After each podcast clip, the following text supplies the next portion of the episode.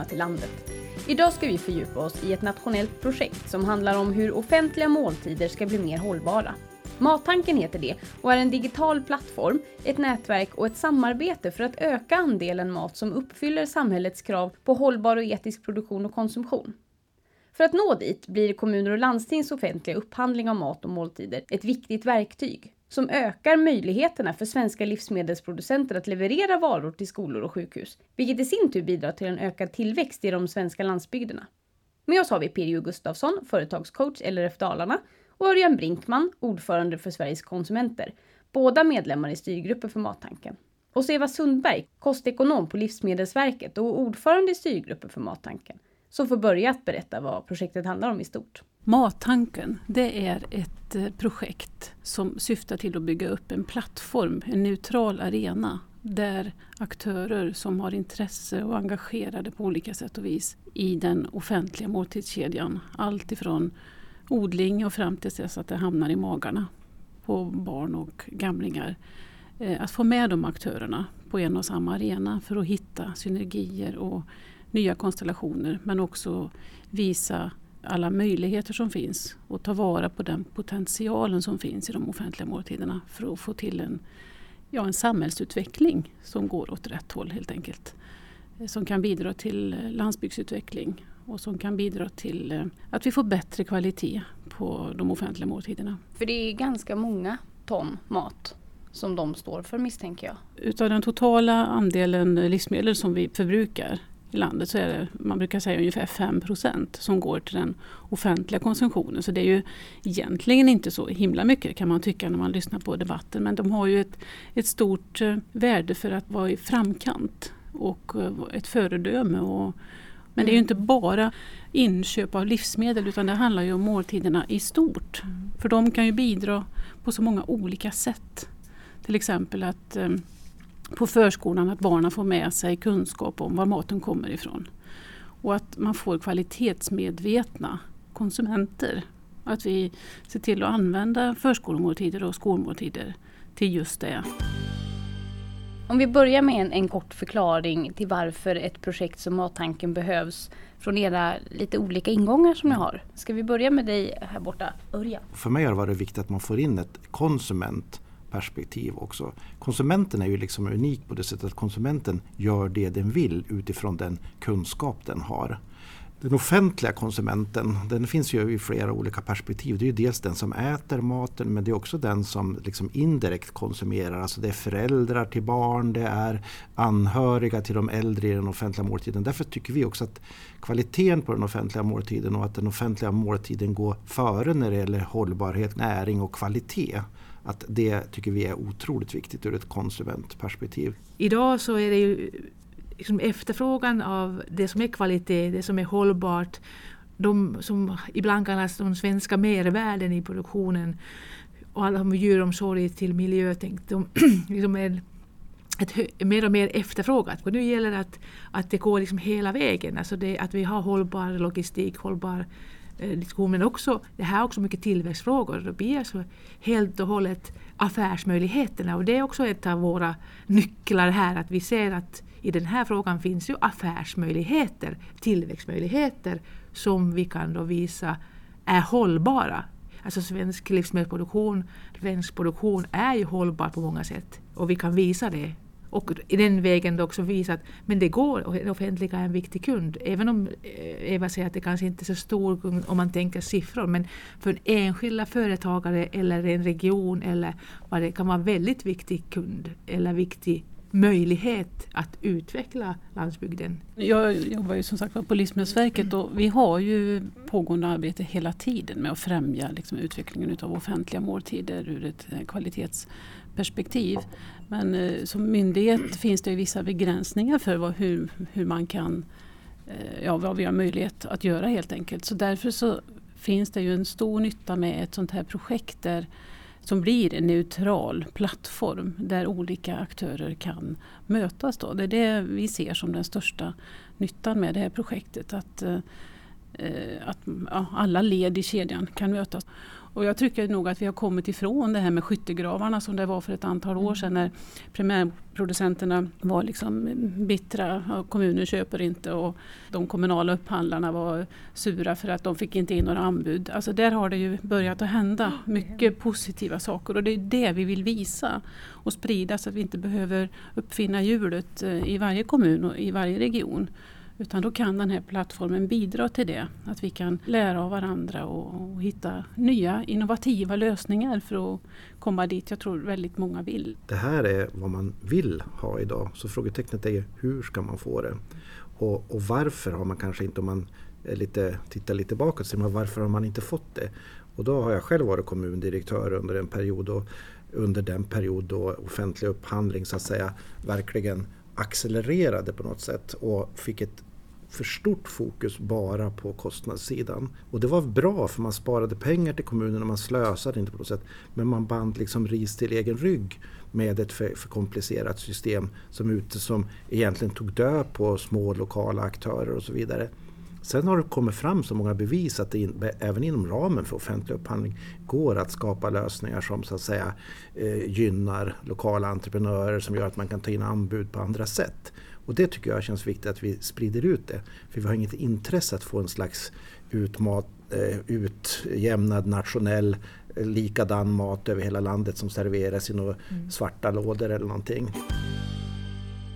Kärnan i det här är ju hållbarheten. Vi har nämnt det lite ekologisk och ekonomisk och sådär. Men vad menas egentligen med den här delen? Hållbarhetsperspektivet är ju väldigt brett. Grundläggande är ju att maten ska hamna i magen, att vi inte får matsvinn. Mm. För där har vi ju ett eh, problem idag, mer eller mindre på olika ställen eh, i landet med att det kastas alldeles för mycket mat. Och det i sin tur beror ju på olika saker och då behöver man komma till rätta med de bakomliggande orsakerna det bästa sättet att minska matsvinnet är ju att laga god mat som faktiskt hamnar i magen mm. och som matgästerna vill ha. Det är ju egentligen enkelt men ändå så svårt då, för vi pratar ju om ganska stora volymer, det är tre miljoner varje dag, tre miljoner portioner varje dag. Så det är ju en del utav hållbarhetsperspektivet men sen är det ju också det vi ju faktiskt vet eh, vad är det som är bra mat för hälsan och miljön? En, en, aspekt som jag tänker är viktig också det är ju alltså köken, de här kockarna som lagar och de arbetsplatserna mm. som finns där ute på förskolor, skolor och äldreboenden. Att det är attraktiva arbetsplatser så vi faktiskt får de allra bästa kockarna och matlagarna och mm. Eh, de som serveringspersonalen till de här arbetsplatserna. För de gör ju så himla stor skillnad. Det önskar jag att vi också kan få med här i mattanken att sprida alla dessa goda exempel som mm. finns där ute. Och att de som inte har lyckats med rekrytering, för det är ju en kamp där ute mellan det, det privata och offentliga. Det är väldigt stor eh, kockbrist i landet Det är ju så, också. precis. Mm. Och då gäller det att de offentliga är på hugget här och att man liksom visar framfötterna att här är ett framtidsjobb. Mm. Här kan du verkligen göra skillnad. Om man tänker på den etiska eller sociala hållbarheten då så handlar det delvis om att arbetsplatserna ska vara socialt hållbara. Men handlar det också om att maten ska vara producerad under schyssta villkor tänker jag. Hur får du fram billig mat till exempel? Och då kan du ju få fram billig mat på grund av att ha liksom undermåliga arbetsförhållanden eller förhållande för, för djuren till exempel mm. också när det gäller den typen av uppfödning. Alltså. Men ett, ett sätt för att få, få till billig mat det är ju att satsa på kompetens. För kompetenta kockar kan laga mm. jättebra mm. mat på jättebra mm. råvaror om de kan sin sak. Mm. Och det tror jag är nyckeln i offentlig mm. sektor. Alltså. Det som kan tyckas eh, vara dyrt kan bli väldigt billigt med kompetens. En viktig sak och här med hållbarhet är ju faktiskt faktum att vi bor i ett land, ett rikt land som kan producera väldigt bra råvaror. Vi har friska jordar, vi har bra produkter, vi har 500 000 eh, hektar åkermark som inte används. Och så ska vi importera saker och ting av länder som kämpar med vatten, brist och allt. Alltså det, det känns som att ibland så, nu är det ganska hårt, men ibland känns att vi borde skämmas. Och den offentliga bör också tänka till, kan vi verkligen ha och driva hållbarhetsfrågor framåt när vi inte använder den bästa och viktigaste resursen som finns i världen, jorden. Nu har vi pratat om det sociala och lite grann om det ekonomiska för det finns mycket ekonomisk hållbarhet. Jag tänker det finns mycket pengar att spara i, i matsvinnet också. Mm. Det hänger ihop med mm. ekonomin. Mm. Eh, men sen själva ekologin och den ekologiska hållbarheten i, tänker jag att det måste ju vara flera olika flera olika nivåer. Till exempel om, om vi producerar det i Sverige så har, försvinner ju en massa transportbitar, att vi inte importerar maten helt enkelt. Det är en del av, av, av den ekologiska hållbarheten. Vilka mer delar har vi där? Ja, om jag upprepar, det är ju den resursen vi har. Vi har alltså outnyttjad åkerareal som är hur bra som helst, som verkligen är bara passivt men som har brukats, som är i skick att i morgondag börjar användas. Så det är liksom en tillväxtfråga. Den vill jag lyfta för det glömmer vi lätt bort. Och en del är ju att vi använder oss utav de livsmedel och de råvaror som vi kan odla här i Sverige och bli bättre på det. Eh, för det är ju faktiskt så att vi har, vi har ju som Pirjo säger väldigt bra förutsättningar för att odla bra mat i Sverige. Och vi kan ju bli bättre på att säsongsanpassa och använda det som, som finns runt. Vi behöver inte äta allting året runt utan vi kan mm. faktiskt se vad är det som funkar nu. Då hamnar vi ju på kockarna igen. Mm. Det, är just, det går väldigt mycket tillbaka till dem. Det, det tycker vi ur ett konsumentperspektiv också att eh, en del av den ekologiska hållbarheten är ju också att liksom användningen av kemikalier och annat så att säga. Att få ner så låga nivåer som möjligt så att säga. För att göra en, en, rim, en rimlig produktion. Och där tycker vi att ekologiskt går ju liksom i spetsen. Men sen måste ju det, det vanliga jordbruket både lära sig och hänga med i det. Vi ser ju inte heller en liksom uteslutet ekologisk produktion. Det tror jag är liksom så tekniskt omöjligt utan vi ser ju ett, ett, lantbruk som hittar nya och bättre metoder och då kanske precis som i de här projekten att vi delar med oss av det som är bra så tror jag att det är samma i produktionen. Det finns ju redan, det har hänt mycket och det finns redan en hel del initiativ och projekt som, som handlar just om, om offentliga måltider och matproduktion runt om i Sverige. Vad är unikt med just mattanken och vad kan det här projektet tillföra lite mer konkret?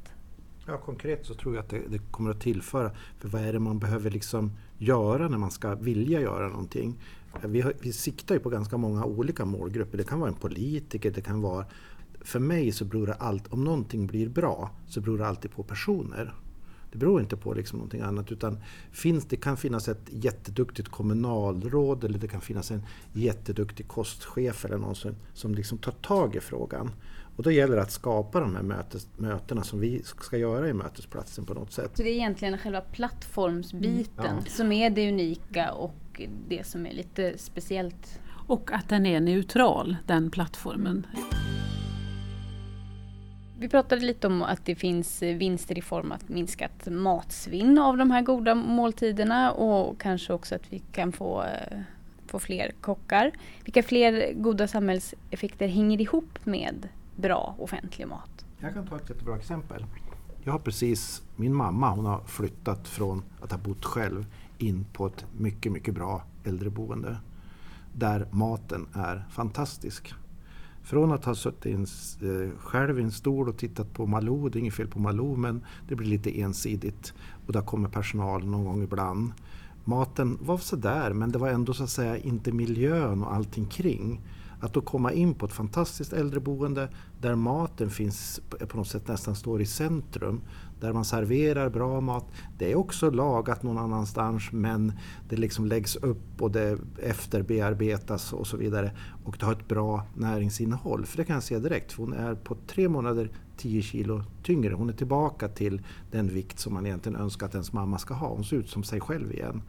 Och då menar jag på att det finns liksom det hälsovärdet i också att maten är bra. Det är som med skolmat, om du producerar skolmat som ingen äter och som inte liksom varken är bra eller hälsosam. Och då, har, då får vi ingen bra skola. Jag har själv varit lärare i många år. Man kan inte undervisa elever som inte har fått i sig någon näring. Jag tänkte också att vad, vad kan det vara eh, värde i för producenterna eller produktionen? Det är att vi vet att, och det finns beräkningar att om viss, om det var vissa andra miljoner som ökar omsättning på primärproduktionen. Det ger direkt ganska många jobb. Lite mer kanske på mjölkproduktion och köttproduktion men den konkreta nyttan är att det finns jobb. En ökad grupp av konsumenter vill konsumera på ett medvetet sätt vilket innebär att man kan också placera sin konsumtion av en vara utifrån att man vill åstadkomma någonting som inte bara är den varan.